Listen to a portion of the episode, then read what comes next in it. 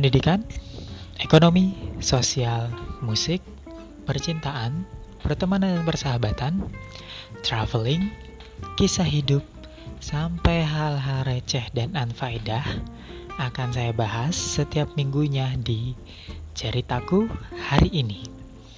Melalui ceritaku hari ini, saya akan ngobrol-ngobrol dengan teman-teman atau menceritakan kisah pribadi di masa sekarang ataupun cerita di masa lalu yang akan membawa kita sama-sama bernostalgia ataupun mm, membuat rencana di masa depan. Jadi inilah ceritaku hari ini.